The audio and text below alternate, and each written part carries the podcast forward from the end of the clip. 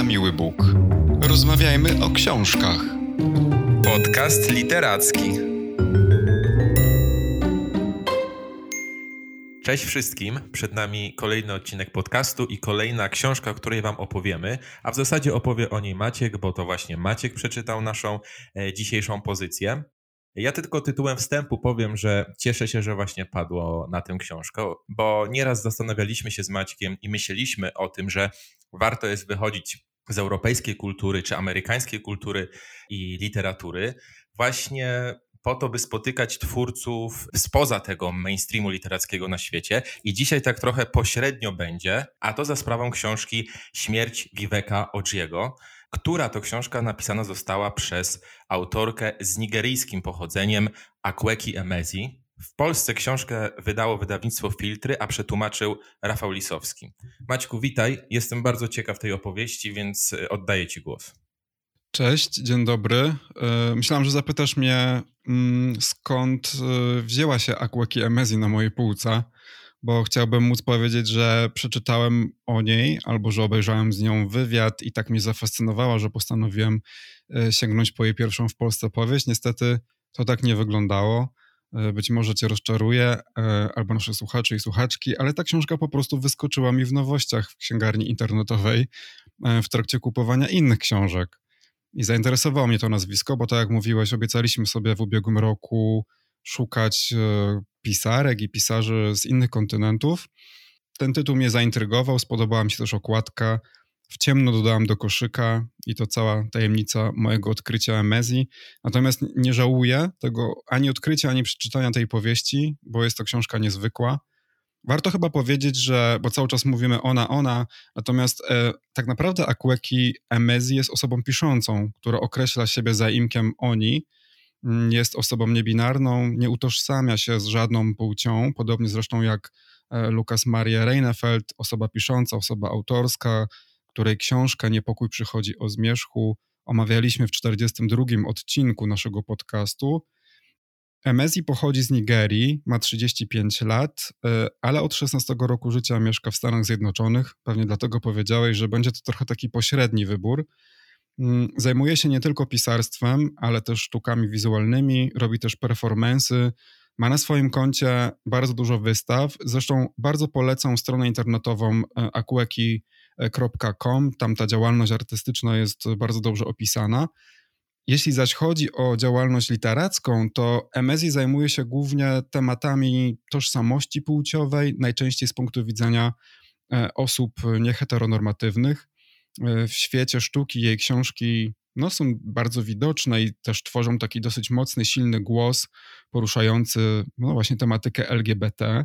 Jest to głos słyszany zdecydowanie.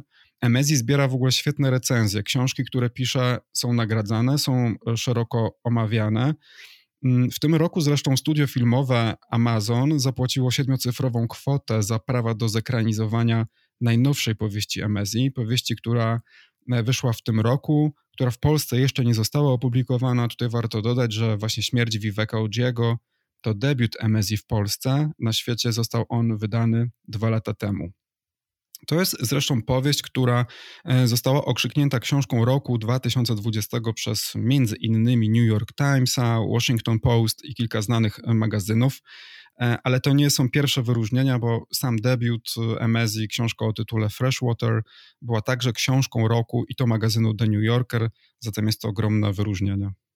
Chciałem nawiązać na początku do, do samego tytułu, bo tutaj mamy e, wprost powiedziane mm, o śmierci Viveka Ojiego.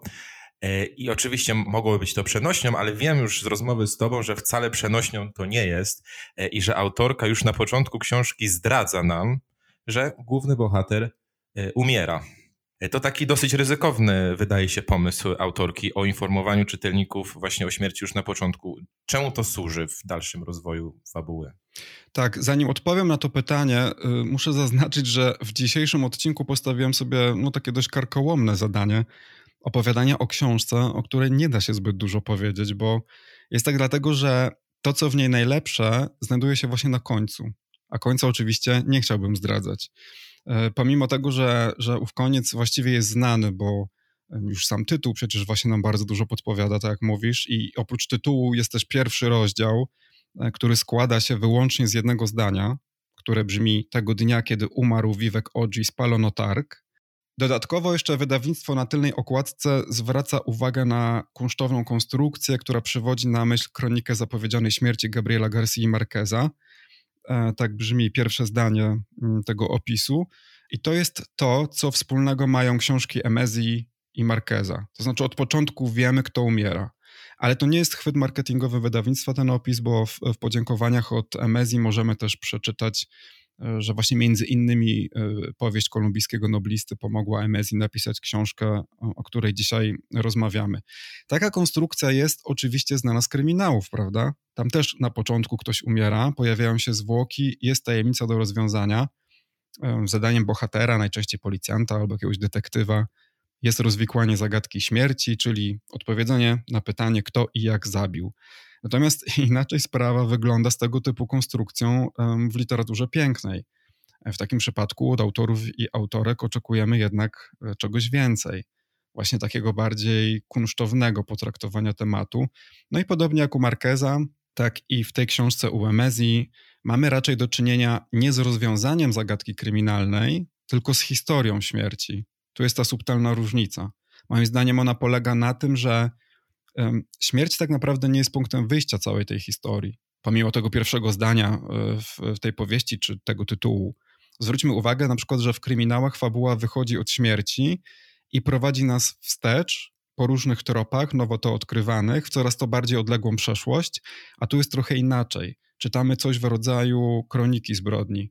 To znaczy, Znając po prostu zakończenie, śledzimy życie Viveka od urodzin do znanego już e, nam finału, ale śmierć nie jest punktem wyjścia. Powiedziałbym, że śmierć jest celem, do którego zmierza cała historia. Ja myślę, że taka konstrukcja z podanym zakończeniem e, pozwala też nam nie przegapiać po drodze czegoś, co nazwałbym sygnałem ostrzegawczym. E, jesteśmy wtedy bardziej czujni, zwracamy uwagę na najmniejsze detale, bo próbujemy wyprzedzić tekst, prawda, odgadnąć, dlaczego Wiwek umrze. I to oczywiście wzmaga też e, suspens opowieści, choć wydawałoby się przecież, że no, no nie ma mowy o napięciu, jeżeli um, znane jest zakończenie. No ale tutaj właśnie się objawia ten geniusz literacki Emezji i to, to, to mistrzowskie poprowadzenie fabuły, że pomimo tego, że wiemy, jak książka się skończy, no to i tak czytamy ją e, w dużym napięciu. E, chociaż nie wiemy, jak Wiwek umiera na początku, nie wiemy gdzie i dlaczego, wiemy tylko po prostu, że umiera, to chyba bardzo szybko można się tego domyśleć, tych wszystkich szczegółów, bo rzecz dzieje się w Nigerii, bodajże w latach 90., e, kraju bardzo religijnym, konserwatywnym, toczonym przez patriarchat, a bohater jest osobą e, nieheteronormatywną. Może się też wydawać, że transseksualną, ale z wywiadów z autorką wiem, że absolutnie tak nie jest. Nie było e, zamiarem osoby piszącej tę książkę tworzenie postaci, która chciałaby zmienić płeć. Zresztą nie wydaje mi się też, żeby jakiekolwiek metkowanie tutaj miało głęboki sens. E, kończąc temat tej konstrukcji, mnie autorka wyprowadziła w pole. Czytając tę książkę, znając zakończenie, możemy wpaść w pewną pułapkę myślową, która to wcale nie musi być pułapką, ale to już proszę sobie sprawdzić samodzielnie. To, co mnie przyciąga w takich twórcach, którzy piszą o swoich krajach, czyli o krajach, które nie są nam do końca znane e, z masowych mediów, no to jest. Yy właśnie to, że umieszczają historię swoich, w swoich książkach w takich miejscach e, nietypowych. E, oczywiście o tematach nieheteronormatywności e, czy o problemach LGBT mówi się na szeroką skalę i, i to jest nam znany temat, ale tutaj ten problem umiejscowiony jest w tak skrajnie tradycyjnym społeczeństwie, że staje się to bardzo intrygujące. Ja chciałem zapytać Ciebie, jak, jak żyje ten główny bohater? Jak jak, czy, czy w ogóle książka opisuje jego życie, bo wiemy, że, że umiera, ale tak jak wspomniałeś, y, poznajemy fakty z przeszłości. Tak? Jak, jak, jak żyje Wiwek? Tak, tak jak powiedziałem, y, poznajemy jego życie właściwie od urodzenia do śmierci. Jest opisane całe jego życie w tej książce. Y, to jest młody chłopak, który odkrywa swoją seksualność, w jakimś sensie też niebinarność, bo jest osobą, która łączy w sobie obie płci, albo po prostu powinniśmy powiedzieć, że jest ponad nimi, bo on czasami wygląda jak mężczyzna, czasami jak kobieta, nie można go zaszufladkować. Do tego zapuszcza włosy, które są bardzo długie, charakterystyczne. Tutaj nie ma ich na okładce, ale w wydaniu e, w amerykańskim e, te włosy odgrywają pewną e, rolę w grafice okładki. To są włosy, o których on i jego przyjaciółki mówią, że, że są długie, lśniące jak z reklamy znanego szamponu. Czasami upina je w kok, czasami nosi rozpuszczone. I mówię tyle o tych włosach, dlatego że one same w sobie są już powodem do zmartwień. To znaczy, rodzina Viveka w ogóle nie myśli o, o jego homoseksualizmie. Jego rodzina skupia się po prostu na długości jego włosów, uznając, że to coś, co nie przystoi mężczyźnie mm, w Nigerii, że to coś, co będzie źle postrzegane przez otoczenie i że to może doprowadzić do nieszczęścia. I nawet są podejmowane kroki, aby coś z tym zrobić, aby wyleczyć, w cudzysłowie, Viveka. Pamiętajmy, że mowa o kraju afrykańskim, w którym homoseksualizm, podobnie jak właściwie w całej Afryce, jest tematem w jakimś sensie abstrakcyjnym, nawet nie tematem tabu, tylko czymś abstrakcyjnym, coś, co nie istnieje. Wydaje mi się, że w Afryce wciąż pokutuje takie przekonanie, mm, jest ono wyrażane hasłem Afryka is not gay, że homoseksualizm jest problemem świata zachodniego, tak, że w Afryce ten problem nie istnieje, bo jest produktem zgniłego zachodu. Oczywiście bardzo duży udział mają w tym kościoły, E, katolicki, protestancki, które przecież w Afryce świetnie sobie radzą. E, mówi się chyba zresztą, że po Ameryce Południowej to teraz właśnie Afryka jest już takim chyba ostatnim bastionem e, Kościoła katolickiego. Mm, wykorzystując biedę i, i, niski poziom wykształcenia mieszkańców, po prostu wtłacza się ludziom do głów tego typu głupoty, i w efekcie w Afryce za homoseksualizm można zostać pobitym, można iść do więzienia, można też zginąć. A właśnie nasz bohater Wiwek jest taką postacią, która nie boi się chodzić po ulicach miasta z rozpuszczonymi włosami. Niektórzy właśnie mieszkańcy mm, nawet myślą, że on jest kobietą, ale tutaj nie chciałbym zbyt dużo zdradzać. Może oprócz tego, że Wiwek żyje w gronie przyjaciół, którzy również zmagają się ze swoją seksualnością, również ją odkrywają, e, są też dla niego cudownym wsparciem, mm, otaczają go przy tym niezwykłą dawką miłości troszczą się o to, aby mógł być taki, jaki chce, i pod tym względem ta książka jest naprawdę przepiękna. Jeszcze chciałbym powiedzieć, że Wiwek jest takim prawdziwym bohaterem, to znaczy, to jest coś, co na mnie zrobiło ogromne wrażenie. On jest kimś, kto potrafi postawić takie zasadnicze pytanie, czy jesteśmy na tym świecie, jeśli inni nas nie widzą. To jest pytanie tak naprawdę o naszą tożsamość. Czy można żyć nie będąc sobą? Albo na przykład, ile warte jest nasze życie, jeśli musimy ukrywać to, kim jesteśmy jeśli inni widzą nas inaczej niż my widzimy samych siebie, prawda? On jest właśnie postacią, która się nie ukrywa, pomimo nieprzychylności mm, tego czasu czy miejsca, e, w którym przyszło mu żyć. No ale z tej lektury płyną też inne pytania. Kiedy jesteś tak naprawdę prawdziwym sobą? Wtedy, gdy jesteś sam, wtedy, gdy jesteś z przyjaciółmi czy partnerem, partnerką, wtedy, kiedy jesteś z rodziną? Czy czasami nie jest tak, że dla każdego mamy troszkę inną wersję y, siebie, Czasami oczywiście te różnice przecież mogą być duże, prawda, ale czasami zupełnie małe, niemal niewidoczne. I słuchałem wywiadu z, mm, z Emezji i osoba, która napisała tę książkę, osoba pisząca, zwróciła moją uwagę na to, że właśnie być może w związku z tym wszystkim mm, to tak naprawdę wszystkie wersje ciebie składają się na to, kim jesteś naprawdę. Nie? I, i, i ta, ten bohater, Wiwek, stara się gdzieś odpowiedzieć na te pytania podsuwa nam trochę jakieś wskazówki. W tym zachowaniu e, wydaje się bardzo dojrzały. Trochę może przebija przez niego właśnie Emezji, że to bardziej Emezji mówi niż on. E, w każdym razie wydaje się najdojrzalszy z całej grupy bohaterów i bohaterek tej powieści. Powiedziałeś, że znajduje on pewnego rodzaju ukojenie wśród swoich przyjaciół. A, a z drugiej strony zaznaczyłeś na początku, że rodzina Wiweka y, podejmuje kroki, aby wyleczyć syna, tak to ująłeś.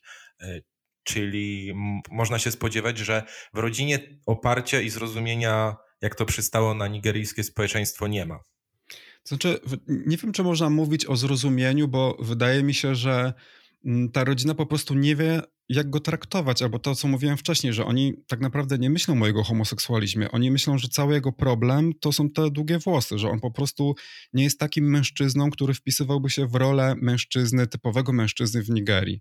oni nie myślą na poziomie seksualności jeszcze, więc jakby to jest dla nich tak zupełnie abstrakcyjne, że nawet nie wchodzą na te tereny. Ich zajmuje to, dlaczego on zachowuje się tak, a nie inaczej, dlaczego ma zapuszczone długie włosy. I jak mówiłem o tym leczeniu, to chodziło mi o jego ciotkę Mary, która zabiera go do kościoła, aby przeprowadzić tak zwane uwolnienia. I Mary mówi, że w jej kościele takie rzeczy załatwia się świętym ogniem. Może przeczytam fragment rozmowy telefonicznej pomiędzy Kawitą, matką Viveka, a właśnie ciotką Mary. Ta rozmowa toczy się po powrocie Viveka z kościoła. Czy ty jesteś normalna? krzyknęła, kiedy bratowa podniosła słuchawkę. Oszalałaś czy co? Kawita? odpowiedziała zdezorientowana Mary. Próbowałam się do ciebie dodzwonić przez całe popołudnie. Czy Vivek dojechał bezpiecznie? Czy Vivek dojechał bezpiecznie? powtórzyła Kawita, przedrzeźniając jej głos. Tak, właśnie wszedł i pokazał, co mu zrobili ci dzicy ludzie z swojego kościoła. Słucham? Nie udawaj, moja droga, widziałam pręgi na jego ciele. Pozwoliłaś go wychłostać?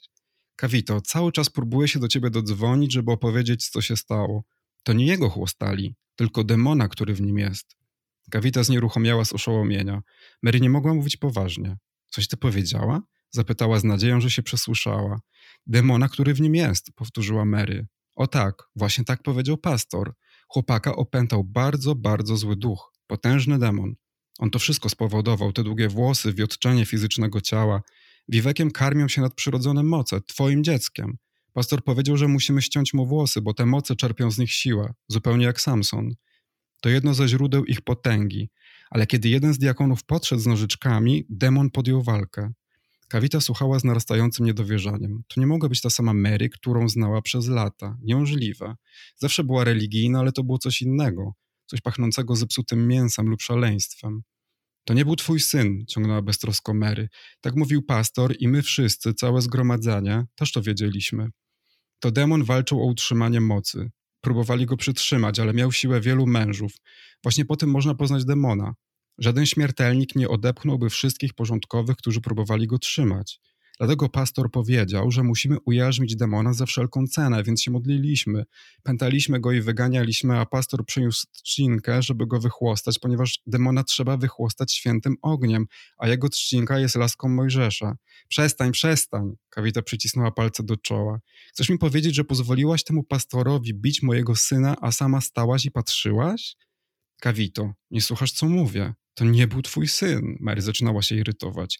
Miałam się odprężyć, kiedy diabeł opętał mojego bratanka? Modliłam się razem z nimi.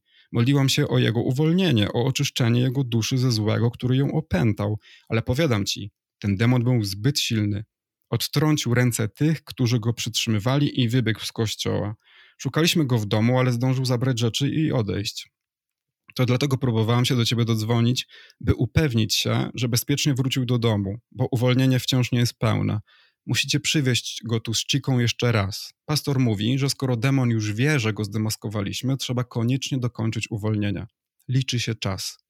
Kawita odsunęła słuchawkę od twarzy i wpatrywała się w nią, jakby jej czarny plastik mógł nadać sens temu wszystkiemu. Kiedy ponownie zbliżyła ją do ucha, znowu popłynął z niej głos Mary. Najlepiej jutro. Jesteś tam? Słyszysz mnie? Kawicie brakowało słów. Miała wrażenie, że w jej gadle tkwi kamień, chciała wyciągnąć go palcami, a potem okładać nim Mary po głowie raz za razem. Zaskoczyło ją to uczucie. Nie zbliżaj się więcej do mojego syna, zdołała wydusić. Co ty powiedziałaś? Nigdy więcej nie zbliżaj się do mojego syna, powtórzyła Kawita, tym razem wyraźniej, ostrzej. Usłyszała, jak Mary głośno wciąga powietrze, zupełnie jakby stała tuż za nią, ale już się nie powstrzymywała. Ty i twój pastor jesteście obłąkani. Trzymaj się jak najdalej od mojej rodziny, słyszysz? Bo przysięgam, że mnie popamiętasz. Znów trzęsły się jej ręce. Do mnie tak mówisz? Do mnie? A co, jest jakaś inna Mary, która poszła do kościoła maltretować mi syna? Ja tu próbuję pomóc tobie i twojemu synowi, a ty tak mnie traktujesz, Kawito? Z dobroci serca poprosiłam pastora o pomoc, a ty jesteś taka? Wiesz, ilu ludzi błaga go, żeby nałożył na nich ręce? Złożyłam nawet w imieniu Wiweka specjalną ofiarę a ty odpłacasz mi taką niewdzięcznością. Mary cmoknęła przez zęby. Po co ja w ogóle zawracam sobie wami głowę? Kawita trzasnęła słuchawką, swędziała ją skóra. Żałowała, że Chiki nie ma w domu i jest sama z Wiwekiem. Stanęła przed drzwiami syna i wpatrywała się w ich drewno. To oczywiste, że nie chciał z nią rozmawiać, pomyślała. Potem jak naraziła go na coś takiego. Osunęła się na podłogę, oparła plecami o drzwi. Pod stopami miała chłodne linoleum. przycisnęła dłonie do czoła i płakała. Kiedy to czytałeś, zastanawiałem się i zadawałem sobie takie chyba raczej retoryczne pytanie, czy, czy ta książka mogłaby zostać wydana w samej Nigerii. E, mamy tam język urzędowy angielski, więc e, wiele zabiegów by nie potrzeba tutaj e, ze strony wydawnictw, ale chyba odpowiedź jest znana. Przedstawiasz tym fragmentem też taką dużą część informacji na temat takiej tradycji afrykańskiej i to z tego negatywnego punktu widzenia. Może jest coś dla odmiany pozytywnego w tej książce na temat samej Afryki? Tak, tylko wiesz ja nie wiem, czy to jest y, tradycja afrykańska, bo to jednak jest właśnie tradycja chyba wywodząca się z kościoła, bo jest bardzo przecież podobna do egzorcyzmu, do wypędzania jakiegoś demona, kimkolwiek lub czymkolwiek ten demon miałby być. Ale jeśli pytasz o coś y, pozytywnego, to tak, jest w tej książce pewien aspekt duchowy, który bardzo mi przypadł do gustu, bowiem Wiwek rodzi się w dniu, gdy umiera jego babka i oboje mają charakterystyczne takie samo znamie na stopie. I czytając e, tę książkę, możemy dojść do wniosku, że Wiwek jest oczywistą reinkarnacją swojej babci. I zdaje się to rozpoznać wujek chłopca, który wychodzi z propozycją, aby drugie imię utworzyć mm, z, z, z rdzennego języka w taki sposób, aby było ono hołdem dla babki. Ja dokładnie tego nie rozumiem, bo to jest właśnie opisane za pomocą rdzennego języka, trzeba było to chyba było znać, albo trochę bardziej pogrzebać. Zresztą cały ten tekst jest przetykany takimi właśnie rdzennymi um, słowami, wtrętami językowymi. Coś podobnego właśnie mieliśmy w Patrii, gdzie były takie wtręty po baskijsku, na końcu był słowniczek, można sobie to było wszystko um, przetłumaczyć szybko. Tutaj akurat tak nie jest, więc jeżeli kogoś to interesuje, to trzeba byłoby spędzić um, troszeczkę więcej czasu i tutaj się właśnie objawia ta tradycja afrykańska, czyli myślenie o tym, że reinkarnacja jest możliwa. Ten pomysł, aby, aby chłopcu nadać drugie imię, będące hołdem dla swojej babki, ten pomysł został odrzucony przez rodzinę Viveka i tu z kolei właśnie się objawiło to ograniczone myślenie, wynikające już z tej najnowszej tradycji Nigerii, no bo oczywiście wynika to z tego, że Kościół odrzuca reinkarnację. Ale wracając do aspektu duchowego, w jednym z wywiadów Emezji zapytała, co zatem e, stanie się z dzieckiem, które otrzymuje nie to imię, które otrzymać powinno. I to pytanie mi się niezwykle spodobało. E, jakie będą te reperkusje duchowe i jak się to zamanifestuje? A manifestuje się, bo Wiwek w dzieciństwie ma pewnego rodzaju blackouty no, nie mówię nic więcej, ale ta historia z babką, reinkarnacja, nadawanie imion, również nie tych, które powinno się nadać, jakie jest Twoje prawdziwe imię, czy imiona wobec tego mają znaczenia. To wszystko wydało mi się niezwykle fascynującym elementem tej książki. A przypomniało mi się jeszcze inne pytanie, które ta powieść stawia. No jak widzisz, ta książka stawia bardzo dużo pytań. Ja bardzo lubię też takie opowieści. A mianowicie, co dla rodziców oznacza utrata dziecka, którego nigdy nie znali? I czy na przykład po śmierci dziecka albo kogoś bliskiego, czy po prostu innego człowieka, czy możemy tę osobę poznać taką, jaka była naprawdę, ale właśnie poznać ją dopiero wtedy, gdy umrze. Jest w tym coś mistycznego, trochę niepokojącego, a jednocześnie to coś, co, co nie wiem, może dawać ukojenie, jakiś, jakiś rodzaj pojednania. Nie chcę dużo zdradzać, ale to są bardzo intrygujące pytania, o których warto pomyśleć. To jest coś, co w, właśnie w tej powieści wydało mi się niezwykle pozytywne, takie bardzo mistyczne, duchowe. Bardzo mi się ta część e, podobała. Cieszę się, że rozmawiamy o tej książce, bo pierwsze, co przyszło mi do głowy, kiedy powiedziałeś, że będziesz mówił o nigeryjskiej historii, to to, że być może ta książka jest atrakcyjna właśnie z tego względu, że zestawia ze sobą tak bardzo y, niepodjęte wcześniej w literaturze tematy jak LGBT i Nigeria, czyli po prostu wrzuca osobę nieheteronormatywną w nigeryjskie, afrykańskie społeczeństwo i że to jest y, cała wartość tej książki, ale ta mnogość motywów, które podajesz, e, pytanie o tożsamość, o stosunek rodziców e, do dziecka, które okazuje się zupełnie innym dzieckiem niż sobie wyobrażali, e, sprawia wrażenie, że tak naprawdę siła tej książki bierze się jakby z bardzo głębokiej analizy życia głównego bohatera i że, i że mnóstwo jest tam pytań i, i takich motywów które mogą zostać szczytelnikiem e, na dłużej. Tak, myślę, że masz rację. W tym sensie, że to jest po prostu książka o człowieku, prawda? Że jak, dlatego też powiedziałem na początku, że to metkowanie nie do końca jest potrzebne, bo, bo to, to jest po, powiedzmy, to są tematy, które mm, zajmują Emezji, natomiast y, myślę, że równie dobrze można by było napisać powieść, która stawia bardzo podobne pytania, niekoniecznie jest o dziecku nieheteronormatywnym. Także w tym sensie ta książka jest po, po prostu bardzo blisko człowieka. A propos też wrzucania postaci nieheteronormatywnych do takich krajów konserwatywnych, jak na przykład Nigeria, no to ja oczywiście nie mogłem sobie mm, wybić z głowy jednak takiej analogii do naszego kraju i wcale nie trzeba być gdzieś tam w Afryce, żeby osoby nieheteronormatywne spotykały się właśnie z tego typu terapiami, której fragment przytoczyłem w tej książce, albo żeby, nie wiem, nie czuły się na przykład bezpiecznie na zewnątrz. Oczywiście ta książka jest druzgocąca i jakby przejmująco bolesna, ale jest też piękna, bo, bo, jest w niej dużo miłości i wolności. To jest właśnie to, co mówiłem też o tej grupie przyjaciół, w których on żyje. Oczywiście można odnieść wrażenie, że wolności w tej książce brakuje, bo ktoś musiał oddać życie, bo nie mógł na przykład żyć tak, jak chciał. A, ale nie wiem, czy trzeba żyć faktycznie 90 lat, aby móc powiedzieć, że, że żyło się w pełnej, w pełnej wolności i tak, jak się chciało nie wiem, Emezi dedykuje książkę swojej przyjaciółce i tutaj czytamy w dedykacji, ona kończy się takimi słowami, kocham cię bardzo, żyj wolna. I w tych pięciu słowach myślę, że mieści się sedno tej powieści. Kocham cię bardzo, żyj wolna.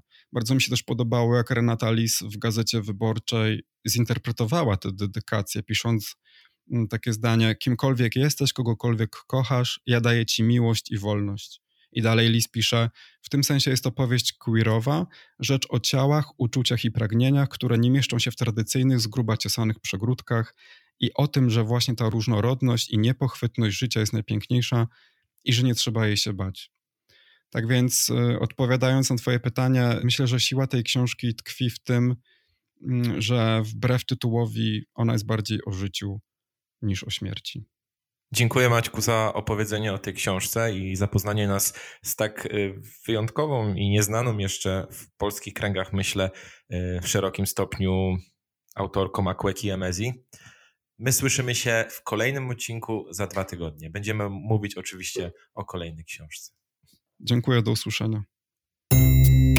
Na miły Bóg. Rozmawiajmy o książkach.